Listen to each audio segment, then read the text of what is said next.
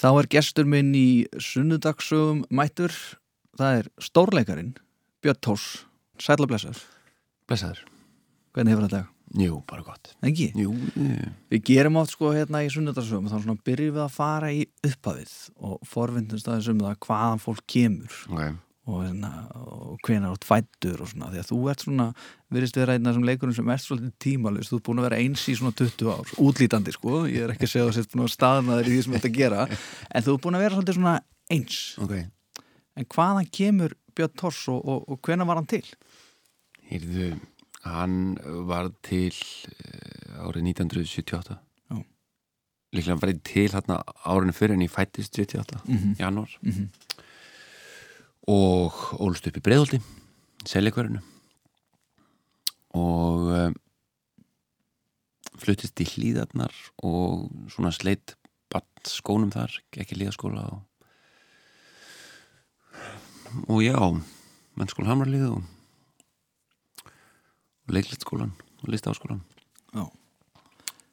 Verður til upp úr þessu sko. Já, já, þetta er grunnurinn. Þetta er grunnurinn Já, sko selja hverfið er uh, það er mjög skemmtilegt hverfið ekki alast upp í. Já það var algjörlega æfintirlegt sko. Já, um, hverfi var ungt sko þegar ég er alast upp þarna fullt af krökkum. Það eru, ég minna, það voru 50 börn alltaf úti á, úti í auðinu að leika á kvöldin. Öll kvöld alltaf bara. Já. þannig að, jú, þetta var alveg draumur í dós. Algjör draumur. Ég, ég, það var mikil sö- söknuð sko að flytja úr breðallinu Já, og hvað varstu lengi í, í breiðaldinu? ég flytti nú bara sko bann um, byggum á tveimur stöðum. Um, og flutti burtu svona um átt, áttar ár. Já, já, já, niður hlýðar já og hvernig var að koma þangað? það var bara frábært. Var þarna í bara mjög góðum hópi í, í, í hlýðaskóla bjóði sig við hljónum og fór í hlýðaskólan og, og hérna og það var dásanlegt sko.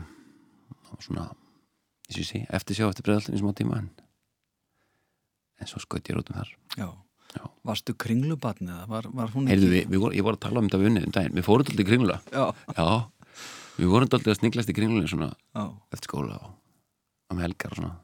Gera eitthvað sko, já. Fara í kringluna Það er góðu staðar að hanga það með batn já, söðuver líka, sjópan söðuver og Já, döldekinn, já, já, varstu kjúklingunum og, já, akkurat sko akkurat, Það er ennþá. Og perlan. Já, einmitt. Það eru stórar miðstöðar hérna allt um kring sko. Já, það er líka gott hverja mitt. Það er náttúrulega öskjulíðin og og Nauthólsvík. Já, Þetta maður, er alveg bara allt fullt af- geggja sko. fullt af góðum stöðum hann Hlíðaskóli eh, hefur alltaf verið svolítið svona ja, hefur maður haft á tilfinningunni. Jú, jú, ég stoppaði nú við þarna sjálfur á, minni stórkvæsluðu námsgangu að, að, að eh, tók eitt ár þar. Já, já, já, já, og það var svolítið svona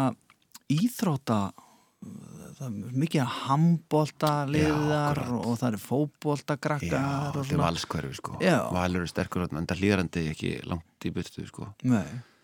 Varst þú svona Já, íþrótta? já, algjörlega, við, það var mikil íþrótta svona áhersla, vorum hann með einmitt e, sko í öllum þessum bolta íþróttum í áhlýðarenda Mm.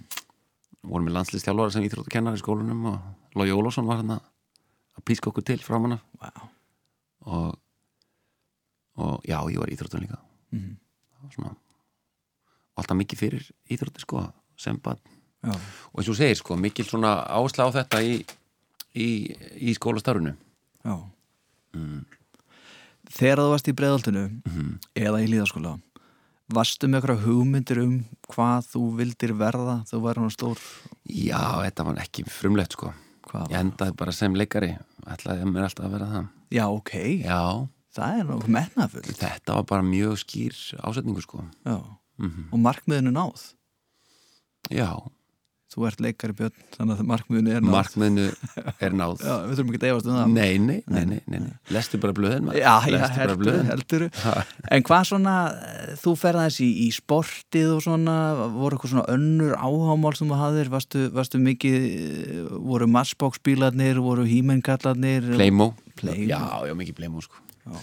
Og Lego, var að kaupa á Sýnum tíma sko, sínum tíma. Já, Já, já Annað, eh, sko, ég byrjaði í leikfélagi bara sko sem úlingur það var nú svona átti hugminn allan eh, sko í skólagöngunni. Ég var í tónabæ mikið já, sem úlingur hjekk mikið í, í hérna félagsmyndstöðinni þar var öflugt leikfélag og við stundum það grimt sko fram á úlingsár alveg bara til 15-16 ára. Mm. en en annað en það sko þú veist það var nú svona bara hitt og þetta sko eins og krakkar já, já, eins og krakkar gera. Varstu eit- eit- eit- einhverjum svona varstu einhverju hólfi í, í tónlistar áhuga eða eitthvað slíkt fílaður boppið eða varstu í rockinu eða? Já, veistu að það var ekki ekki svona ég fór me- meira í rocki svona úlingsárum svona einhver, einhverja svona einhver mentaskóla senunni, Mhm. einhver nirvana og já, já, svona radiohead og einhver, einhver svona einhverju rocksenu sko. Já, já, en framanna var það svona meira út um allt bara. Já. já, já, manstu eftir og mikið hlusta á Rocky Horror hérna á auðvitað. Það er svona ég- crossoverið sko úr hlíðaskóla upp í mennskólan Já. þá var Pállaskóra Kó að sína Rocky Horror í MH og þetta var svona míniköld sko. Það var endalist verið að Gunni vinnu minn tengdist sko stóri bróður hans Dagkári var í hérna var í MH og það var mikið verið að eitthvað vaffóðs upptökur af Rocky Horror myndinni. Já, og dólti verið að diskutera það. Já. Þetta var svona svolítið spennandi. Dagur Kári leikstjórið og hann var nú líka músíkin maður allir list, Slow Blow, allir list frábæstaf já, Já. Manstu Björn eftir svona, e- er eitthvað svona hlutverk sem að þú hugsaður um sem, já þetta var nú mitt fyrstlega hlutverk sko, sem, þú varst kannski ekki alveg að leika tré, já, en sem er eitthvað svona sem að þú heima læra línur og já, já, algjörlega við vorum hérna ég var í, í svona einhverju okkur námskiði í skólanum í hliðaskóla og fílaði einhvern veginn ekki hvernig þetta var að þróast og hæ- hætti leiklist hætti að leika sko. Og það var í 12 ára eitthvað. Hva, hva, hvað þróun var það? það mér fannst eitthvað leið, mér mér fannst kennarinn eitthvað leiðilegur mér fannst þetta allt eitthvað aðsnalett mér fannst þetta ekki nú markvist mm að leika eitthvað löfblöð og svona eitthvað. Þannig voru enga línur þar. En þarna nokkrum nokkrum árum setna þá, þá er ég að sninglast eitthvað í félagsmyndstöðinni Tónubæ og þar var leikfélag og ég svona hafði svona hort til þessa hóps öfundaraugum en ekki alveg svona vilja stíga inn í þetta. Og svo veiktist einn vinnu minn heiftarlega rétt fyrir frumsýningu á sýningu á hérna á hérna eftir Flósa Ólafsson. Man ekki hvað heitir. Jæja, hann veiktist, hann Viktor Már sem er nú leikar í dag. Og, og Marja Reyndal sem var leikstjórin hóaði í mig bara út á gangi og segir þú hérna, þú áhuga á þessu. Þú getur gert þetta. Og á viku fyrir frumsýningu þá var ég æfður inn í, í rulluna já, þannig ég hoppaði inn sko. Já, það var svona eiginlega fyrsta hlutverki sko sem sem að var svona proper hlutverki leiksýningu og, og ljóskastarar og, og svona Varst ekki þá svona að hækka svolítið í stalli og vinahofnum? jú algjörlega, jú, jú algjörlega. Og krókurinn begður bara einhvern veginn svona til frambúðar sko. Já, já, já, það verður lán í óláni.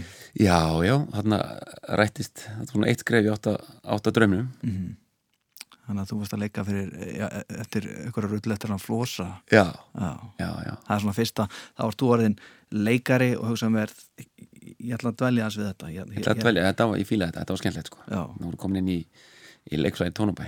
Einmitt. og hérna og hérna, já, það var og var svo bara þar sko eins og ég segi, mín úlingsár við vorum hann alltaf í, í félagsmyndstöðinu og settu leiksýningar og, og hérna ég man það að það var skrifað um sýningarnar í blöðin og því lík lofgjörð að ég hef vel ekki séð annað, annað eins síðan þá. Já, Það er svona ákveðin úlingaforkjöf sem að við fengum hann maður fær þetta nú ekki í, í þjólgúsinu Nei, nei, Nei, nei, það týðkast ekki nein, nein meðgjöf þar sko. Nei, nei, nei. Hvað, áttu eitthvað svona gamlum úrklippum og svona, eða mamma en eða eitthvað svona? mamma áttur örugglega allt saman. Já, já, ég held að ná það er skemmtilegt. já. Það er alltaf gaman að sjá þetta en ég er svona ekki mikið í þessari svona nostalgíu sko. Ég er ekki mikið að klippa út svona Nei, nei, engin rammi eitthvað stað með skemmtilegu myndum að þeir úr blöðunum. nei, þetta er einhver svona ég held að þetta sé meðutu ákvörðunum að að snúa baki við fortíðin sko. Já. bara einhvern veginn hanga ekki í þessu. Halda áfram sko, horfa, horfa í hináttina það er ágætt pæling. já, Varstu góðu námsmaður? ég stóð með alltaf frekar vel í skóla já, ég get nálega sagt það. Nú fussar eitthvað sko nei, nei, ég stóð með ágætli í skóla og, og átti svona frekar auðvelt með að læra og, og hérna það var svona þegar að, þegar að tíminn var kannski á skortnari skamti að, að það gaf öll eftir. Mm maður uh, setti ekki hugan í málið sko. Já, og þá svona kannski þá kannski gaf maður aðeins eftir. Já, já. En já, já, hafði gaman að því að vera í skóla og stóð með okkur Engin eitthvað dramatísk föll í fögum eða neitt þetta ekki fyrir inn í mennskóla sko. Eitthvað. Að maður hérna þú veist, fjalla af okkur mætingu já, ég er nú hann að gera í mentaskóla já, er svo mikið að gera sko. Já, já, svo margt annað. Mér er hún að hugsa til krakkan sem eru á, á fyrsta ári í mennskólan núna. Já, jésús þetta er erfitt ár. Vesalíks Jésús drakka grein mér. Þetta er svona, við sem betur erum ekki þeirri stöðu en það, eins og þú segir við erum, þú ert frábæn ásmaður og ég er sennilega líka, við skulum bara halda okkur við það já, en höldum okkur við þá sögu skoðun Já, nákvæmlega. Uh, Björn Tors er uh, gestur minn hérna í, í sunnundagsögum og við erum svona að, fara að undirbúka það, að fara að ræða eins ferlin. Það er Ok. náttúrulega, þetta var fyrsti, fyrsta hlutekki svona degur hana, það er í, í, í Tónabæ, uh, verk eftir meistara Flosa Ólásson. já, ég var að munna hvað heitir Já, já. Það, það, það, það flettir því ykkur upp, það skiptir svo mikið öllu máli í þessu. Já. og svo hérna öllum að dempa okkur í ferilin sem að já, slúðrið, slúð, slúð, slúðrið hétt þetta. Það hétt slúðrið. Hétt þetta slúðri? slúðrið eftir Flós Ég held að Olsson þú var að mæla með að við myndum fara að dempa okkur í slúðri bara í slúðsöguna, nei, þetta hétt nefnilega slúðrið hét slúðrið, eftir Flós Olsson og, Ok, ok, og hva, já, hva, já. hvað var þetta? Var þetta eitthvað svona eh, eitthvað svona Heyrðu, þetta var skemmtileg saga. Það fjallaðum, það fjallaðum hvernig slúður verður til Mm. hvernig hérna, hænurnar í, í hænsnakofunum reittu af sér reittu af sér feðarinnar sem að smá saman ur, urðu að sko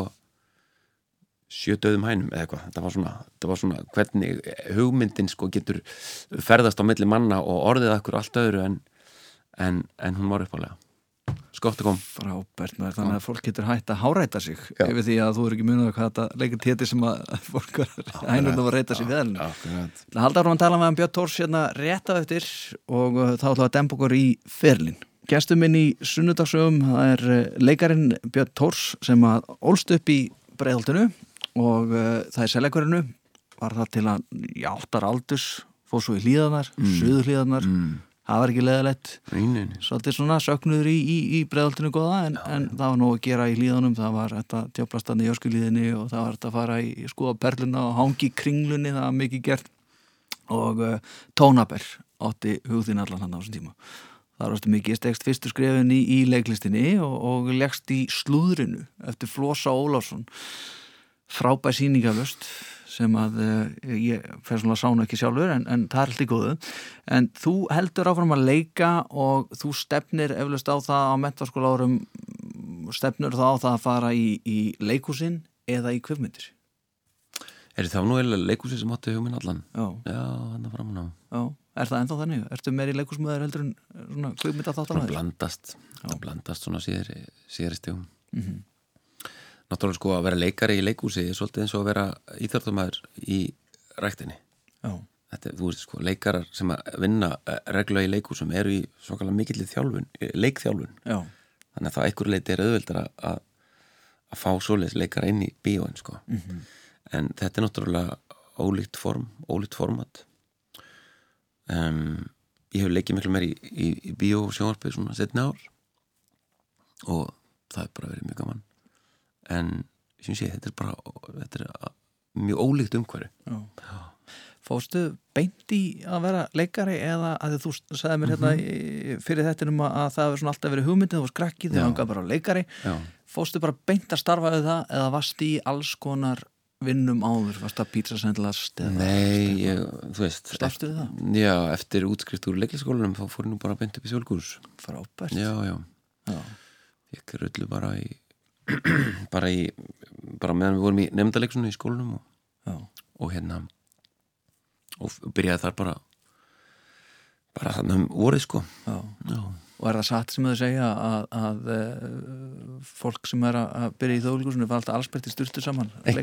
nei, það er lígi mm, það er líð okay, Ég var að leika með Gunnar Eyjáls og Krispur Kjeld í fyrstu rullinni ég man ekki eftir því, nei, Nei, man ekki eftir þessu styrtumómenti hann Nei, ekki þjóðlíkúsinu slúðrið maður. Þú ferð í þjóðleikursið hvaða ár er þetta sem þú ferð? þetta er 2005 Já, og þú ferð, ferð að leika með þessum stóru leikurum? Já, Var það ekki svakalegt? jú, það var svakalegt, það var æslegt algjörlega. Læriður þau mikið af þessu fólki og var það almennlegt við þig eða, eða er svona nýliðin alltaf svona ja, þau eru náttúrulega algjöru gullmólar þetta fólk sko, Já. Gunnar og Chris Björk og ég nú lítill rullu í þessu verki en, en þau tóku mér eh, bara eins og eins og hérna eins og besta vinn sko. Mhm. já, þau eru miklu vinnir og eru og eru menn sko, ég og Chris á Gunnar náttúrulega fallin frá. Mhm. en, en þetta var bara dásamlega reynsla að koma inn í inn í leikhúsið svona sko, inn í svona eins og, þetta er næst í svona eins og verndaður vinnustæður sko, maður er með þarna þessar kanonur sem að svona taka á móti manni og, og hérna halda utan um hann sko, mm. þess að fyrstu metra, Já.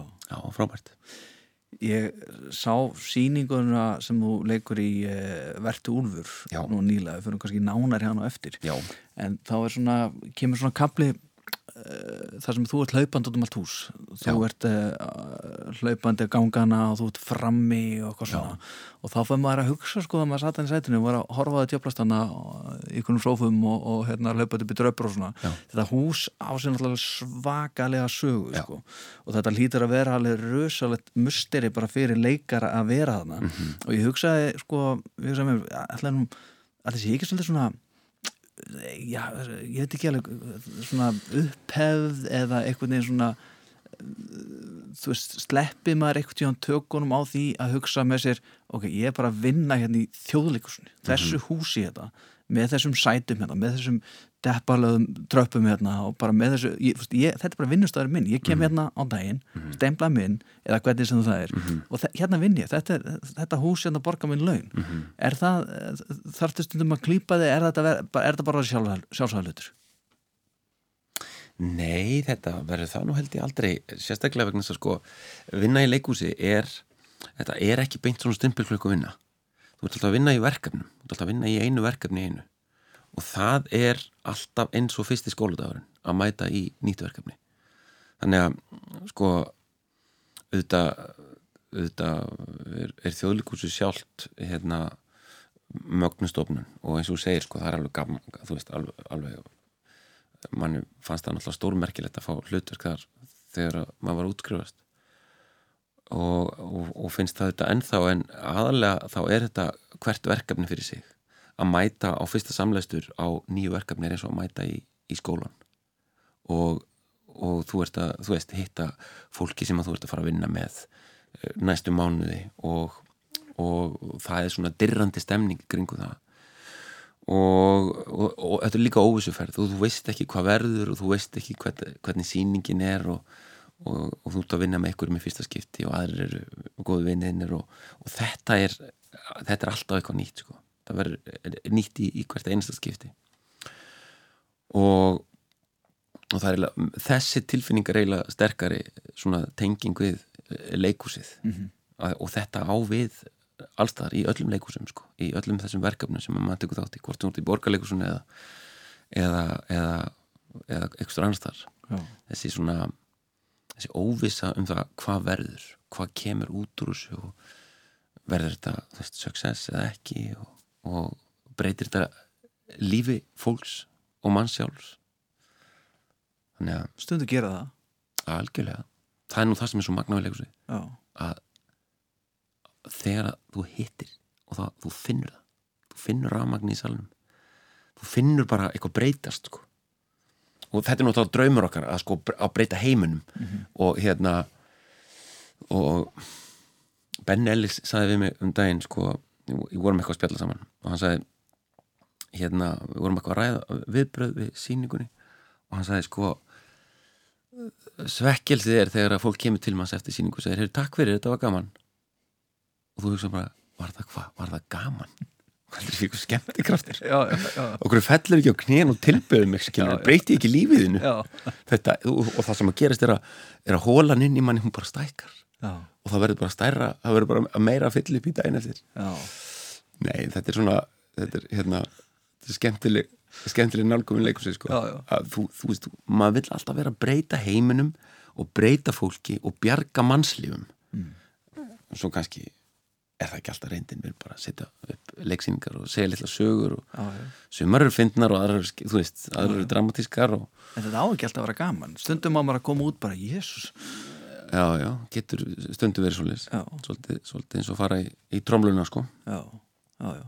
Já, og kathasis það, það þessi, þessi, þessi tilfinning að ganga út úr, út úr leikúsinu og, og vera sko bara döðreinsaður vera bara búin að fara í gegnum allan tilfinninga Mhm. sko tilfinningabógan Já. Manstu eftir einhverju sýningu sem að þú hefur séð sem að eru þannig sem að ná þessum tökum á þér og, og þú upplifir þessa tilfinningar? Algjörlega, ég man eftir nokkrum svolítið sko. Mm. já. Ég til dæmis, sko, það, það eru ólíka sýningar, það er ekkit alltaf ég, ég man til dæmis eftir söngleiknum uh, Edith Piaf eftir Sigur Pálsson sem Hilmar Jóns leikstýrið og Brynildur Guðjóns fór svo eftirminlega með hlutverk Edith Piaf. Það hafði mjög mikil áhrif á mig. Og ekki síst bara tónlistin og svona flutningur hennar Brynildar sem var algjörlega magnaðar Já, en, en auðvitað margar aðrar sýningar sko sem að já. kannski En svona sem þú hefur verið í sem að þú hefur sem verið, ok, that's it þú veist, þetta er, nú er, að, nú, nú er þetta að gera hjá mér, Já. nú er ég að færa á fólki þetta já, Er eitthvað svona sýningar sem að já sko það er, sko, sýningarnir eru svo margar og ólíkar og það eru alltaf e, e, svona, þú ert ofta að tikka einhver ákveðin bóks það var til dæmis að leika hérna, ég hef frá útskrift verið meira í dramatískum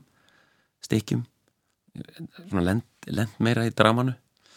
Um, og þess vegna var, tók ég því fegin sendi að, leika einleikum Kenneth Móna borgarlegusi það var rosalega gefandi að fá að leika í svona uppistands komedíu Já, sem að maður er að segja brandara í tók klukktíma. Og fólk hlæðir og bara fór bara grenjar og látur í heila kvöldstund sko. Er það er alveg bara magna sko. Að fá að vera í þessu samtali. Og þetta var eitthvað allt annað en ég hafði verið hingað til sko. um, þú veist, það var til dæmi svona, svona síning sko. og þú veist, svo bara næsta verkefni þú veist, í, svona, meira, meira í dramanu og, og þá tikkar í þau bóks og, og hérna að það er svona ólíka element sko, sem að maður tekur út úr hverju verkefni fyrir sig. En Kenneth Máni, hann svona, er það ekki karakter sem komið hérna svona aftanaður, bjóstu við því að hann yrði svona risastór og, og fólki á Íslandi bara þóttu svona svakalega væntum kannski ekki eins, eins stór og hann eh, endaði að verða, nei. Að því að hlutverkið í uppálu seríunni sem þetta fangavaktinni var nú frekar lítið sko. Já, það var bara svona smárullega eitthvað svona sidekick grínari. En, en sko maður fann strax samt að það var eh, svona eitthvað, það var eitthvað í þessu sko það var bæði rullan og skemmtilega skrifuð og, og svona karakterinn, ég maður bara hérna Raggi, Ragnar Bragarsson ringdi í mig og bað mig um að koma í pröfu fyrir karakter sem að héti Kenneth Máni og átti að vera svona góð kunningi lauruglunar upp á Lillarhraunni og ég bara, yes, til það skellt á. Og svona leiti speilin heima hjá mér og bara svona einhvern veginn að datt inn eitthvað svona svipur og eitthvað svona eitthvað, eitthvað talsmáti eitthvað svona já, sem að bara, já, þetta er það sem ég ætla að gera í bröðunni já. þannig að, hann sló í gegn. Já, hann sló gegn, já, Já, já. þetta er svona Já, fólki þykir mjög væntum og það, það, svona, það stóð ekki alveg sama þegar það var að fara illa fyrir honum Nei. og, hlutinu var erfiður Latti var svo mikil hetja fyrir mig þegar ég var lítill. Já, þannig að mér, sko, mér þóttir rosa væntum að eignast svona karakter þú veist að því að í leikusinu eru alltaf bara að tjálta svona einhvern veginn til nokkra mánuði Við leikum leiksýningu og svo bara, þú veist, svo er hann búinn eftir, eftir tvo-þrjá mánuði og aldrei aftur. Og meiri segja, þú veist, margara rullur í, í bí og sjónvarperu eins. Þú leikur eitthvað, svo bara, þú veist, svo fer þetta á einhverju skúfu upp á rúf og bara, þú veist, svo þetta eiginlega aldrei aftur.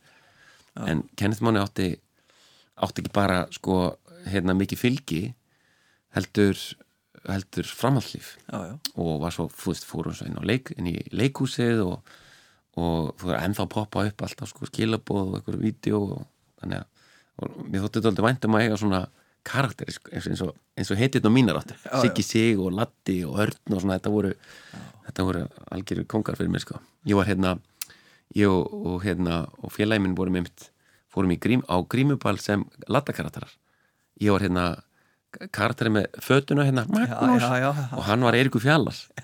Með gítarinn sko í, í grímuparti hjá vingun okkur, bekkisistur liðaskóla. Dýrlega góð hugmynd maður. Það er ekki ekki, sko. Þetta var Ég heldur að Kenneth Máni koma aftur. En ég held, hann hann er sittur inni núna. Hann situr inn, já. Hann sittur inni, hann er með langan dóm. Kall greið fyrir illa fyrir honum. En þú hefur nú áður sko leikið karakter sem var mjög, ég, ég ætla bara að segja að hann var mjög óþægilur því að ég tók eins og viðtal við hann uh, og það var alveg, ég, ég, ég bjóst ekki við því að ég var að taka viðtal við hann en hann var með uh, í uh, semst á annari útástöð þá semst þegar Silvía Nótt var var að- að fara í, í söngkjönna já, þá kemur sem sagt karakter sem var alveg djöfulur og það, maður hefði engan heimil á honum og það skipti engum máli hvort það væri sko eh, kveikt á hljóðnumum eða hvort það var og maður áttaði sig ekki alveg á því sko hvað væri í gangi sko. Ég man að ég og félagi minn í, í, í, í þessum útarsætti hann, búið bensvinu minn hann, við vorum sátum bara svona eftir hvað kjaftaði var þetta? Og það, það varst þú að leika sem sagt með Silvinótt og þú var svona kærasti aðstofamaður svona hvað hétt hann áttur? Romario. Oh, það var alveg fellur. Þú fölnar bara já, um- þetta var svo erfitt sko maður er að stýra út að stætti sko, taka viðtal og hún er svo hún var og svo kemur Mario með og það fyrir allt í fjandars já, hann, einhvern veginn, hvernig hvernig var að vera hann? þetta var skemmtilegt líka. Já, þetta var svona, þetta var gjörningur. Þetta var stöðu og gjörningur og stóð yfir í marga mánuði sko, byrjaði hér og svo fór svo fórum við náttúrulega út og kefti í þessari, hérna, keftum í Eurovision og gerði allt viðlaust gerðum allt villast og vorum í þessari upptökum á þessari seríu sko út um allan heim. Vorum í Kaliforníu, LA og fórum til Japan og veist, fórum út um alla Evrópu og, og hérna og þetta var alveg ótrúlega skemmtilegt. En ótrúlega mikið rugl Já. á saman tíma sko. Tók þetta ekki svolítið á? Jú, þetta var alveg skemmtilegt sko. Já, það var alveg svona bara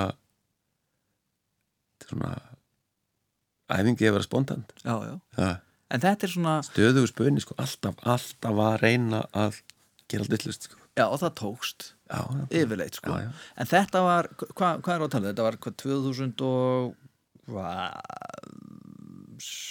Já, þetta er Sex, 2005, já, fimm, 6 já. já, já, já, þannig er þú bara nokkuð ný útskrifaður og, og svona. já, já, já, ég útskrifaðist reyndar fyrr, ég sagði áðan 2005, 2005, ég útskrifast 2003 já, já, já, já, þetta er svona 2005 kannski. Já, já.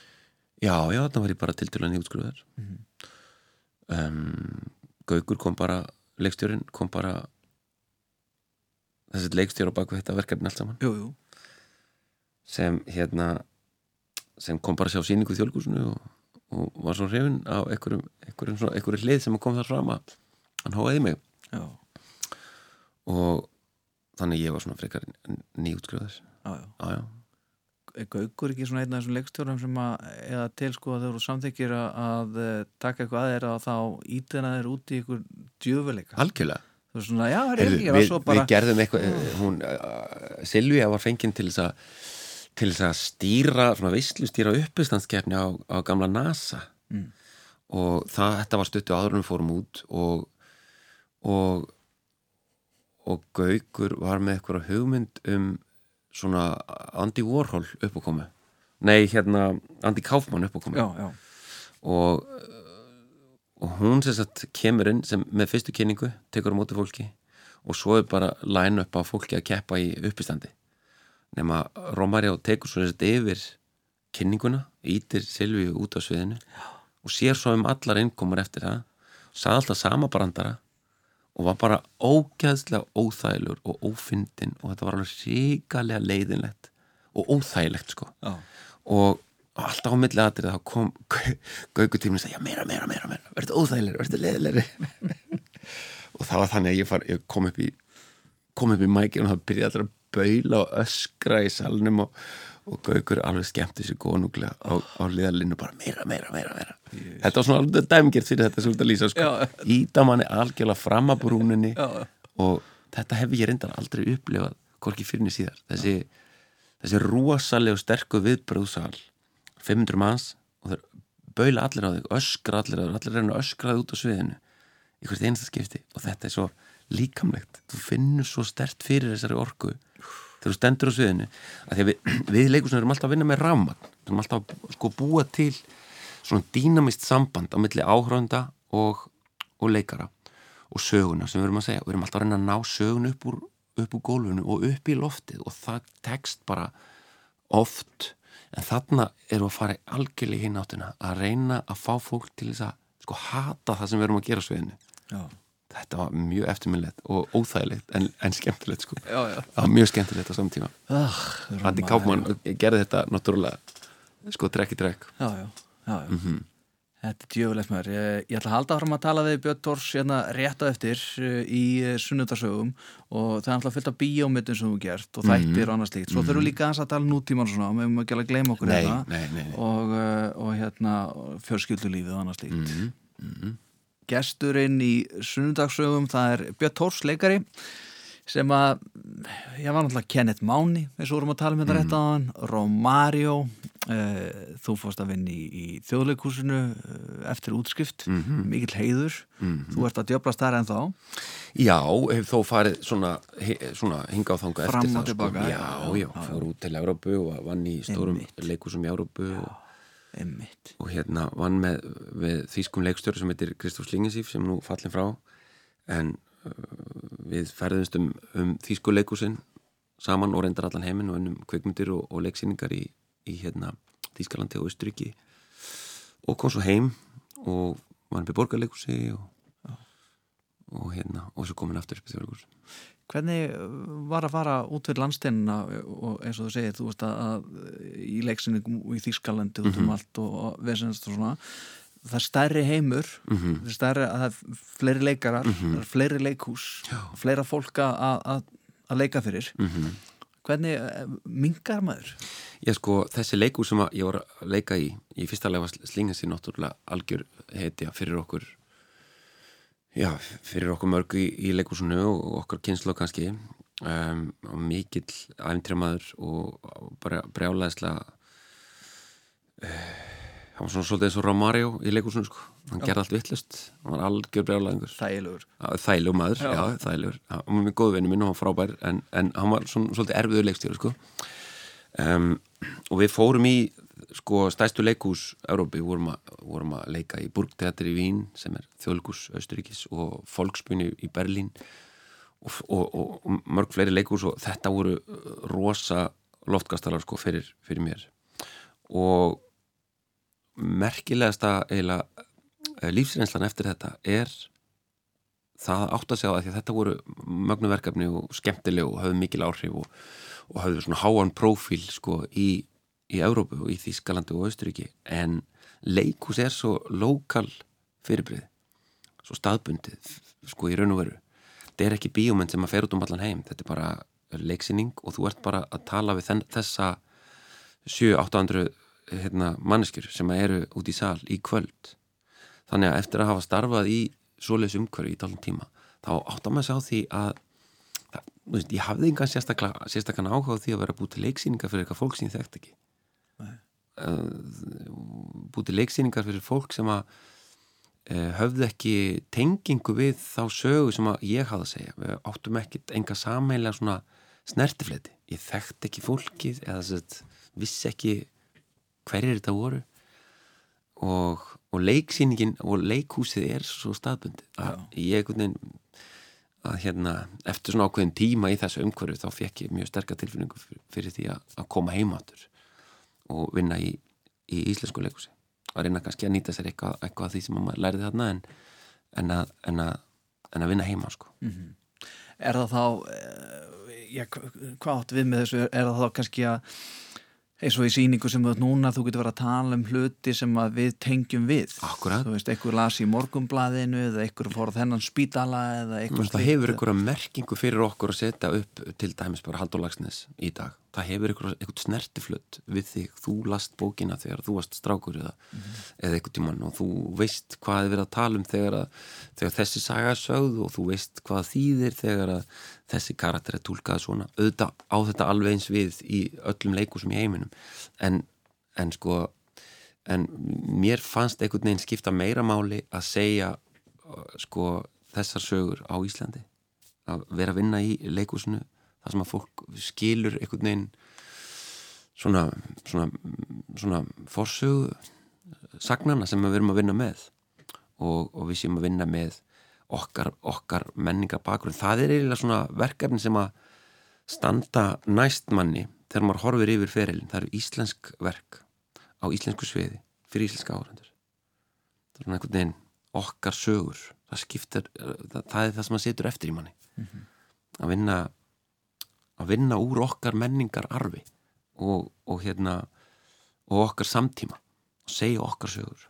Af því að það setur líf okkar og, og, tilvist í eitthvað samhengi, í eitthvað stærra samhengi við hvaðan þú kemur og hverju þú ert og hvað er framöndan og frá hverju við erum að koma. Þú myndist á þann að Benedikt Erlingsson, hann hefði sagt að, að það vestar sem að hægt er að heyra eftir leiksýningu er, er, þegar ykkur kemur og segja þetta er bara gaman en hérna hvernig, hvernig er eins og þú ert að segja hérna að það er þér svo kjært að leika á Íslandi fyrir okkur Íslendinga mm -hmm. uh, þjóð sem þú þekkir og þjóðum þekkir þig mm. og uh, þið getur verið að snerta okkur um samvölum flutum og svona hvernig er að þú ert búin að vera að leggja svakalega mikið í eitthvað síningu, þú er búin að vera sko kafa tjúft í sjálfa þig, að búa til karakter og, og, og þú veist að þú ætti að standa á sviði með þennan karakter næsta árið mm -hmm. og svo kemur eitthvað á síninguna og hún fæ bara algjör að fallengun í mm -hmm. miðlum, það er bara hún nánast jörðuð mm -hmm. hvernig er að, að höndla slikt og hvað gerir þið? Sko ég er nú ekki ég hef verið frekar heppin með að vera í verkefni sem hafa fengið ágæts svona ágæts viðbröð en þetta er náttúrulega bara eilíf uh, eilíf átök sko við eitthvað svona menningar umfjöldun það týðkast það týðkast sko svona ákveðin blóðöksi í leikúsinu það fjallaðum leiksýningar á stundum á, á fórsöndum sem að maður svona skilur kannski ekki alveg eða, eða tengir ekki við. Um, mögulega mögulega hérna ekki jafn svona miklu silkihanskar og í, í öðru umhverfi. Og það er á bakvið þetta er einhver hefð og eitthvað, þú veist. Hvernig er þetta? Þetta er bara erfitt sko. Það er bara, það er bara erfitt að fá kritík og, og tala hann ekki um þegar að sko þegar að, að, að kritíkin er ekki beint hérna er ekki beint efnisleg heldur hlaðin einhverju kaltæni og svona eitthvað þegar fólk er að beita einhverju kaltæni eða einhverju svona, svona neðanbeltis skotum í umfyllun sinni. Það getur verið mjög einhvern veginn bara um, særandi og óþægilegt sko. Já. en hluti af þessu öllu saman er náttúrulega að temja sér á hverju æruleysi. Það að, að sko gaggrinandi er náttúrulega bara eru góður gælt að verðis en það er bara einn ein manneskja á hennar skoðun. Og, og, og í dag þá hefur hafagagrindur ekki svo mikið vægi eins og þeir höfðu kannalda þegar kannski þeir voru eina umfjöllinin um síningar og koma kannski tvær greinar og þetta var eina ofinbæra umræðan um leiksýninguna. Tvær, þrjá, fjóra, fimm kannski. Mm -hmm. í dag þá eru bara allir með fjölmiðl í vasanum. Já, já. og, og ef, að, ef að þeir eru hrifnir þá bara skrifaður um það og og þú, þú veist, þú tökur miklu meira marka á því. Já, hvað já. góður vinnuðin segir já, þú veist, Andrið, þú verður að sjá þessa síningu nú þá bara, fer þú að sér þessa síningu þú hlýðir því bara. þú ert ekki að býða eftir að heyra hvað blöðin segir sko. en, e- þetta, hjálp, þetta hjálpar allt sko. Þú veist að fá góða dóma en, en, en umtalið og áhröndur eru náttúrulega það sem að skiptir mestumáli og ef að þeir hafa ef að þeir hafa hérna sko ef að þeir eru ánæðir að þá spyrst orðspór síningan út og þá skiptir engum máli hvað gaggarindur segja. Mm. þótt, að, þótt að maður getur flettið upp í, í hérna á bókusöfnunum í framtíðinni. Jájá, heimitt Breytið eitthvað síðan síningunni eftir einhverja kritík? Nei, það, Nei, það er Nei, það er, það er heyr til undantækninga já, já, já, Ég minnist einstakka sinnum þess að, að síningum hafi verið breytt eftir frumsýningu en það er þá kannski bara, veist einu atrið, tveimur atrið með það er ekki út á gaggrinu sko. Nei. það er þá bara vegna þess að síningin er ekki verið tilbúin. Nei. ekki það að það sé eitthvað að, að, að það megi ekki sko en það bara það er lagt upp með einhverja hugmynd og, veist, og svo er hún henni fyllt eftir. Og uh, ef það tekst ekki þá er líka dóldi erfitt að fara að krukka eitthvað í því sko. Já, já, það er svona, þú veist, leiksýning er svolítið eins og oljutankskip skilur, þú þarft að ákveða helst með nokkra sko, daga fyrirvara veist, að, að beigja um nokkra gráður. Já, þetta eru, þetta eru hérna, rosalega margar ákvarðanir sem að liggja baki, baki einni svona leiksýningu. Og þú, þú beigir ekkit svo auðveldlega þegar þú ert komin á siglingu sko. eftir því sem að dreifu nær frumsýningu þá er eiginlega erfiðar að taka ákvarðanir. Þannig að, svo bara áfram veginn.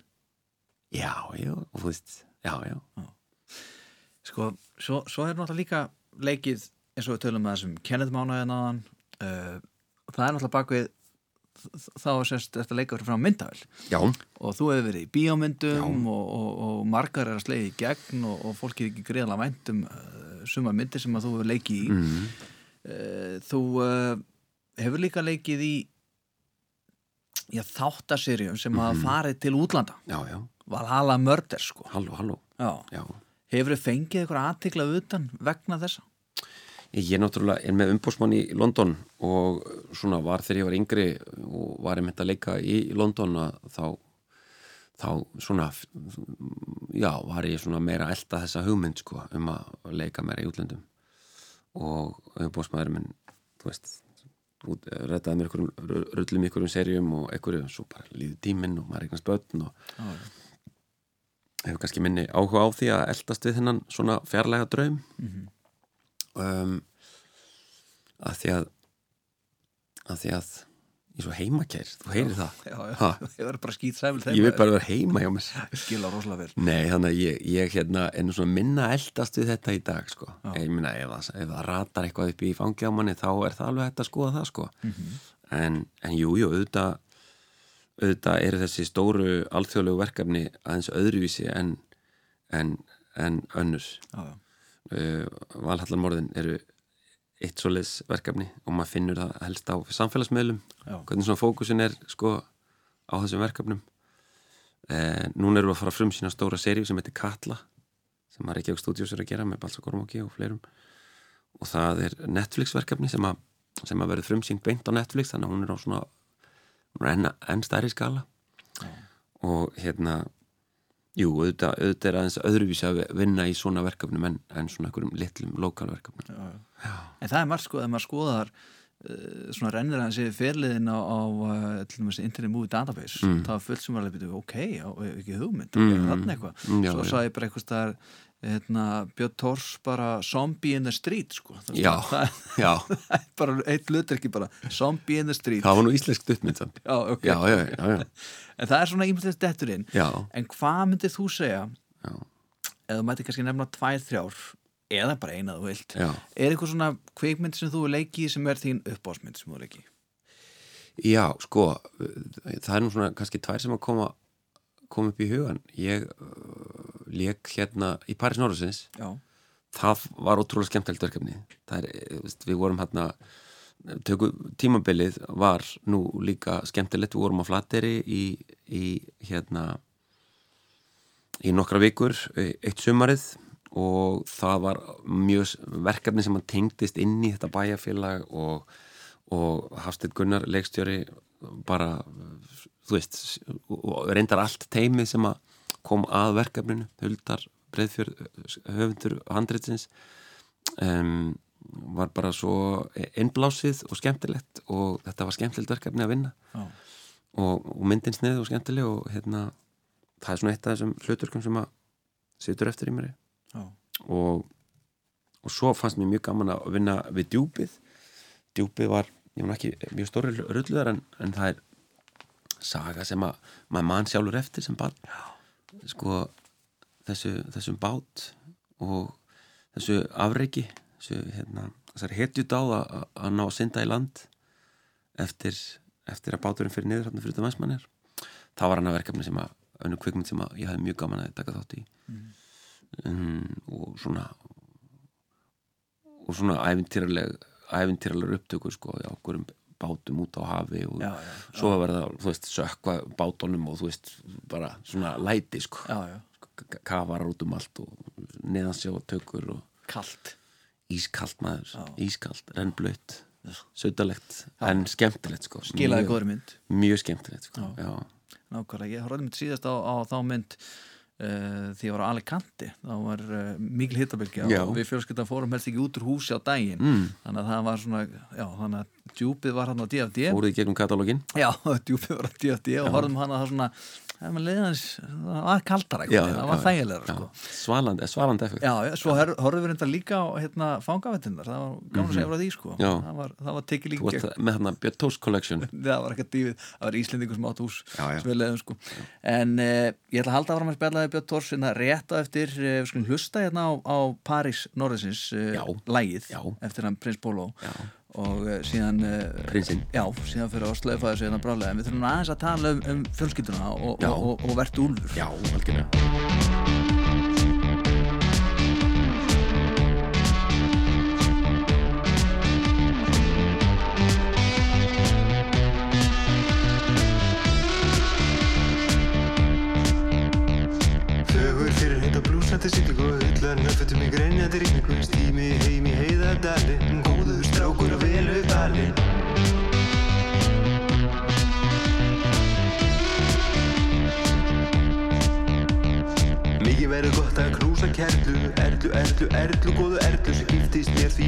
skaffa Sjómaður og sonur að snappa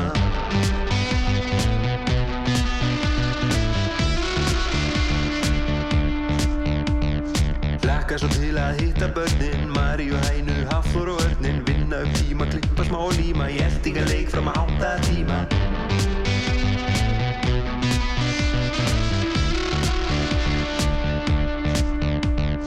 Hafi, ég þekki ekki annað. Hafi, var harmenni annar var mamma. Sultuslög nunna, sýstir mín. Gunna, funna, brósi Var öruglega vangi minn frendi Rendi mig æskunni.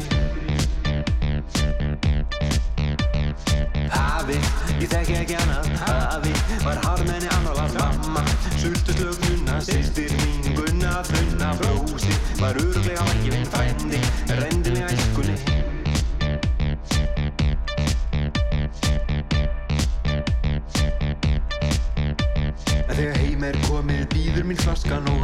tröppunum stendur ferðartaskan Erla góða fór með vini á hestbakk síðasti túr hann kerði um þverbakk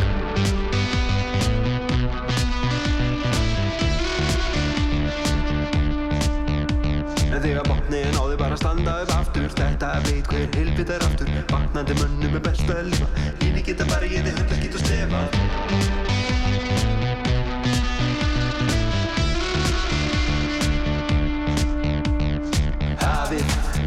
ekki annað Hafi, var harmenni annar var mamma. Sultuslög nunna, sýstir mín Gunna, funna, brósi Var öruglega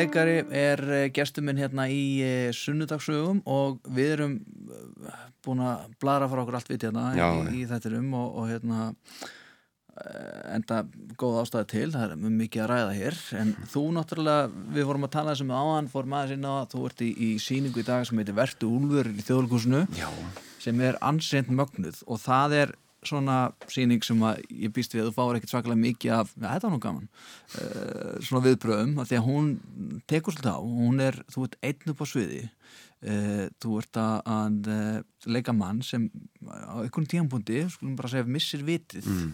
eins og það er oft sagt Mhm.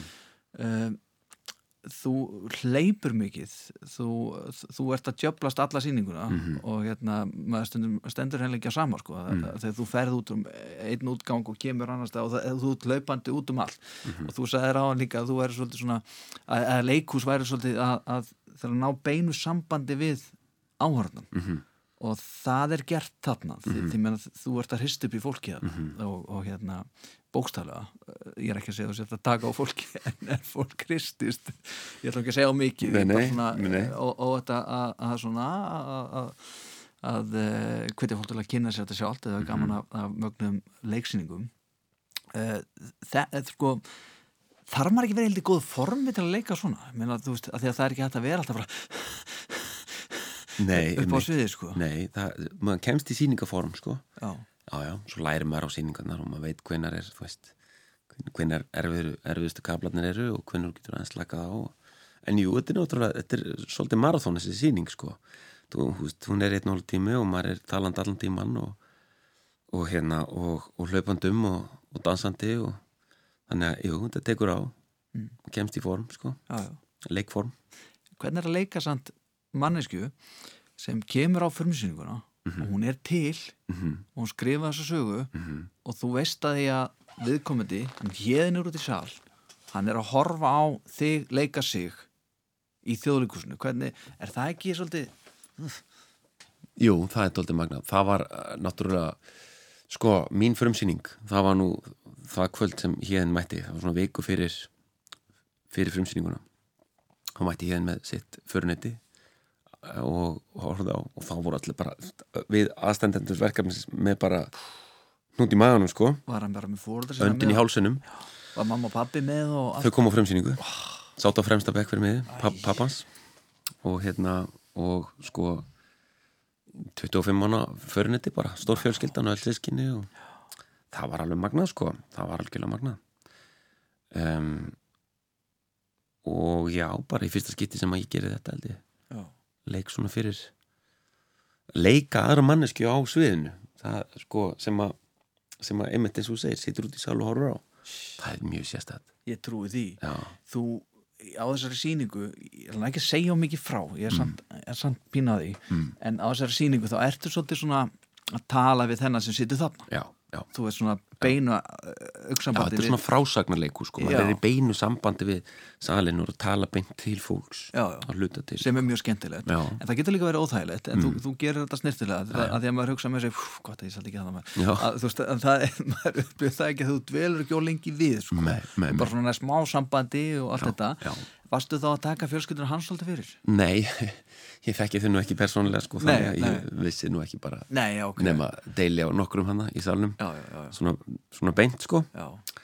en nei, nei, það var náttúrulega svoleiðis um, og, og sýningin er nú ekki beint svona kannski ég, þú veist, áhörundur spila ekki sko þannig rullu í, í frásögninni en það er nú samt svoleiðis þegar þú ert að leika einleik að þá eru mótleikaraðinir út í salnum Já. þú ert bara einn inn á sviðinu sko og það er engin annar til þess að spekla söguna af eða kasta kasta línunum á, á annan aðrir en bara áhörundur þannig að það er, verður svona ákveð samkómulega í leikúsinu við erum að tala saman, ég er að segja ykkur þessu sögu.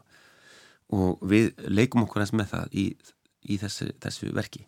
Þetta svona beina samband og þessi beina frásögn. Af því að ein- einfaldasta form á leikúsi er bara eitt leikari og einn áhörandi og, og, og, og við erum svolítið í því svona við erum að leika okkur með það samkómulega framan á sýningunni. Já.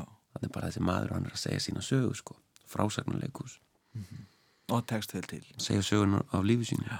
og þegar þú segir við leikum okkur svolítið með þessu þá dettum mann í huga að þú setja að tala um eiginkonuðina, Já. hún unnur ösp hún alltaf leikstýrir Já, þessu verki. Já, það lítur líka að vera að, já, er þetta ekki svolítið skemmtilegt og þægilegt að geta bara verið heima að leika? Jú, það gera það verkum að sko, það var unnið allan sólrengin já, þú bara, þú veist, við erum að vinna sýninguna þangað til þú sopnar og bara fyrsta sem að maður heyrir þegar maður vaknar og kóðar um hei, ég var að hugsa, hérna hvað með þetta? já, Þetta er best æða síning landsins.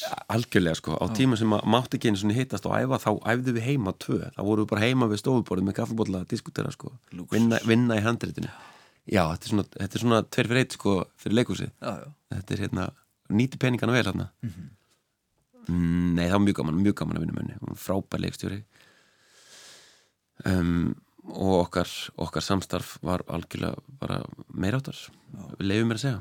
Það var mjög gefandi og skemmtilegt og hún hafði svona, svona þetta er svona soft power stjórnunastýl hjá henni sem leikstjóri að allir sem að koma að verkinu fá mikið svegrum til þess að leggja svona leggja hönd og plóg og hjálpa til að búið síninguna til. Þetta var náttúrulega við áttum að vera á litlu sviði já, en færiðum okkur svo yfir á stóra sviði með mjög stöttum fyrirvara bara nokkur dögum áður en að æfingar hófust sem að við vorum flutt upp á stóra sviði sem gerða verkum á öll forvinna fóriðlega bara í kladkistuna sko, og við þurfum að byrja upp á nýtt. Og, og Elin Hans hérna, leikmyndahönnur þurfti bara einhvern veginn, þær tvær þurfti bara svolítið að, að, draga nýja línu upp í verkið ég með finnst það ótrúlega gaman að horfa mitt á, á leikmyndum, sko, Mhm. því að hún spilar virkilega stóra rullu og maður er stundum alveg byrju, hvað er í, má þetta? Mhm. Já, hvað, þú akkurat. veist, Já. Er þetta ekki hættulegt bara, Já. Veist, þetta er gamalt hús já, já, já, já, já, já, en það er magnað, sko já, það fer einhvern veginn út um allt já. við vorum að svolítið að leika okkur líka með hugmyndunum þjóðlíkúsið já, við erum komin hérna með einleik upp á stóra svið þjóðlíkúsins það hefur ekki verið gert sko þjóðlíkúsið er aldrei sett upp sko síningar í þessu formi á þessu sviði. Þannig að þannig að einhverju leiti erum við að leika okkur með sko einn maður á móti þessu stóra leikúsi og við gefum okkur að, að hann hafi endilega sko ekkit endilega sérstaklega sterk tök á leikúsinu þannig að hann er að draga upp einhverja sýningu bara svona jafnóðum sko. Hann er að nota það sem hann sér og finnur til þess að segja söguna. Og það eru svona tólin sem, að, sem eru notuð til frásagnar. Já, magnað sko, þú og unnur eigið líka fullt af börnum. Þið eigið ekki fjögur börn? Jú, fjögubinn já. það þýðir stór bíl uh, stórt heimilegurust hvað eru, eru krakkarnir hvað eru þau gumur? þau eru frá fjárara týpuröðnir eru fjárara ger Já. og úlingurinn er 13 ára. Til með það. Svo stelpis mér 8 ára. Já, þetta er magnað. Já, þetta, er- já. þetta, er- já, já, þetta er blaglið þetta er blaglið við erum komið hérna fúsbóllið snill og hvernig gengur sko eins og maður velti fyrir sig þegar þið er að, að það er sýningi í gangi. Þau eru Já. bæði að vinna og hún er að leikstýra og hún er líka ofta að leika og þú ert líka að leika. Þurfuð ekki að hafa nokkuð góða barnabíu? Unnur er að koma úr tveggja vegna tökutímabili á Suðureyri. Hún var, var á, á Suðureyri við Súandafjör núna síðustu tvær vikur já, við tökur á sjónserju hérna Vesturports sem heitir Verbúðin. Þannig að við, ég og ungarnir höfum verið bara ein síðustu tvær vikunar og ég með fimm sýningar á viku. Þannig að þetta er búið að vera svolítið talandi blag sko. Já, þetta er búið að vera pingu blag við erum búin að vera í blagi núna með, með hérna með ömmu og afa já. núna síðustu tvær vikur. Guð blessi þau. Já, jésús þetta er sko þannig að það er nota kannski tækifæri og þakka þér fyrir hérna síðustu fjögur ár. Já, að þetta er oft sko fólk hugsa oft þegar sér hérna þú veist, eitthvað svona myndir í blaði eða eitthvað svona frumsýningu og svona meira lúksuslíf já, já, glamorinn. Þetta er ekki þetta mikið er glamorinn og þjóðlíkusinu En þetta eru svepplösa nættur og erfiði dagar. Já, já, þetta er svona, þetta er gersla og mikið skipula og þetta er það, sko. Já, já. En þið erum blessunlega með eh, 13 ára já, og, og, og það, það, það hjálpar örgulega stundum ekki? Já það er svona spurning, sko. Já, Jæja, amma afi Takka þetta. Hvað er þetta að fara að gera Björn Tórsi á, á komandi dögum svona ef við hleypum örstuðið heyrðu, það er bara sýningar maður. Já. það er bara, þetta er rifið út. Já. já, já, já. Það er alltaf vera að bæta við. Það er alltaf verið að bæta við og við hérna og þær fara bara jafnóðum, ég held að séu engi með þær í bóðið akkurat núna. það er, þessar, aukasýningar sem við náum að tróða inn í planið, þær fara bara jafnóðum. Þannig að það er um að gera bara fylgjast vel með heimasíðu leikursins og tilkynningur frá þjóðleikursinu til þess að ná að grækja sér með það því að það er rosa eftirspurning eftir meðunum en við vorum reyndar uh, það var að vera að fjölga í salnum þannig að nú er, nú er Víðir og Góbunur að hérna búið að fjölga Já, og komnir frábært aðeins fleiri áhörundur í salin Geggjað. já, aðeins, aðeins búið að minka takmarkarnina þannig að og við komum örlítið fleirum, fleiri áhörundum inn. Mhm. annað er það ekki sko. Þú veist, ég er bara allan daginn að undirbúa, undirbúa síningarnar Já. bara fara í botinn og, og reyna að komast í nutt og svona og já. halda sér góðum. Ég er svolítið, svolítið rámur vera, ég haf með síningu gær. Já, skulum við fara að hætta þessu síningu í líka. kvöld. Við skulum fara að hætta þessu blæðri Já, hérna. Björn Tórs, uh, takk kjærlega að Takk fyrir að fá mig, Nei, það er heiður að koma hérna og spjalla, fá að spjalla þig. Já, þakkaði fyrir það, minn var heiðurinn. Uh, Við spiluðum aðan Prins Pólo. Já, Prins Pólo var með lagið Paris Norðarsins hérna rétt aðan Mhm. uh, sko, hann er líka með lag í sýningunni Vert Úlfur. Aldeilis hann og Emiliana Já, Torrini þannig skulum hlusta núna á Emilien Torini Já. með lagið Vert Úlfur. Og láta það loka lagið hérna í, í, í sunnudarsögum Takk hjá takk fyrir leiðis Ég ber stein í þessu stríði Það breytir ekkert því að sól vermir heiði og kirkjubjöllur ringja á sunnudegi og fá mig til að stoppa eitt augnablik í friði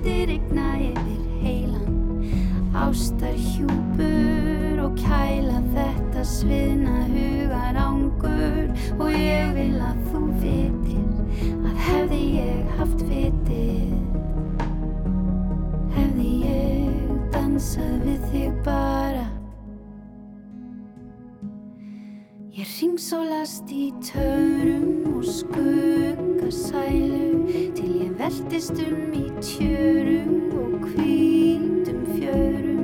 Og mér heyrist eitthvert